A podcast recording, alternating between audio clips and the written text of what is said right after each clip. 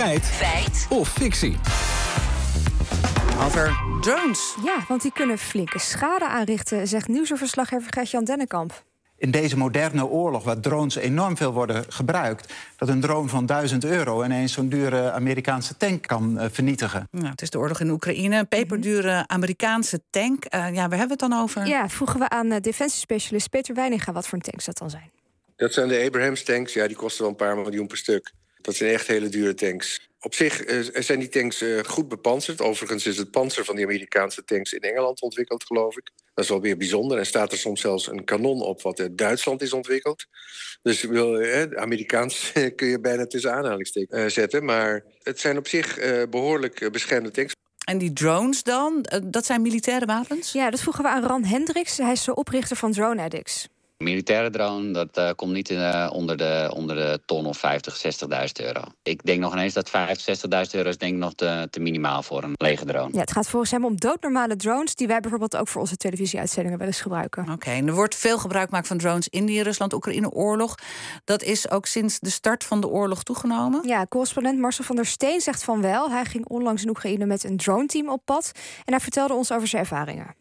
Als je tijd doorbrengt met zo'n team, met zo'n divisie. Zij zijn bezig met drones, maar de Russen zijn ook bezig met drones. Dus je voelt je ook heel kwetsbaar. Ook al zit je dan een soort van verborgen onder zo'n bomenrij. Ik ben ook gewoon aan het filmen op dat moment. Ik heb mijn blauwe persvest uh, zeg maar aan. Dus ik, ben, ik val eigenlijk ontzettend op.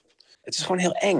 Maar hoe werkt dat dan met die drones als het van die ja, toch normale dingen zijn? Ja, Marcel van der Steen die heeft de handleiding gelezen. Als je zo'n kleine drone hebt, daar kan een niet al te grote granaat kan daaronder hangen. Ze bouwen daar dan een soort van systeem omheen, van ijzerdraad eigenlijk. Dat op het moment dat die drone ergens mee in aanraking komt, dan ontploft dat ding. En wat ze proberen in het luik aan de bovenkant van een panzervoertuig, om daar met die drone naar binnen te vliegen. En zodra die dan iemand raakt, of iets raakt, dan ontploft dat ding. Ja, hoeveel kilo daar dan onder kan hangen onder zo'n drone, dat weet Peter Weininga. Het moet echt wel een geschikte lading zijn die een uh, tank kan uitschakelen. Dat betekent dat die lading door het panzer heen moet kunnen boren. En dat betekent uh, dat het, het, gewicht van het explosief, inclusief de mantel, zeg maar, ongeveer een kilo zou moeten zijn. Oké, okay, maar kan er dan wel een kilo onder zo'n hobbydrone? Ja, legden we voor aan Hendricks van de Drone Addict. Een kilo tillen voor 1000 euro langs als... Nee, man. Ik, ik kijk even mijn collega aan. Nou ja. Nee, nee.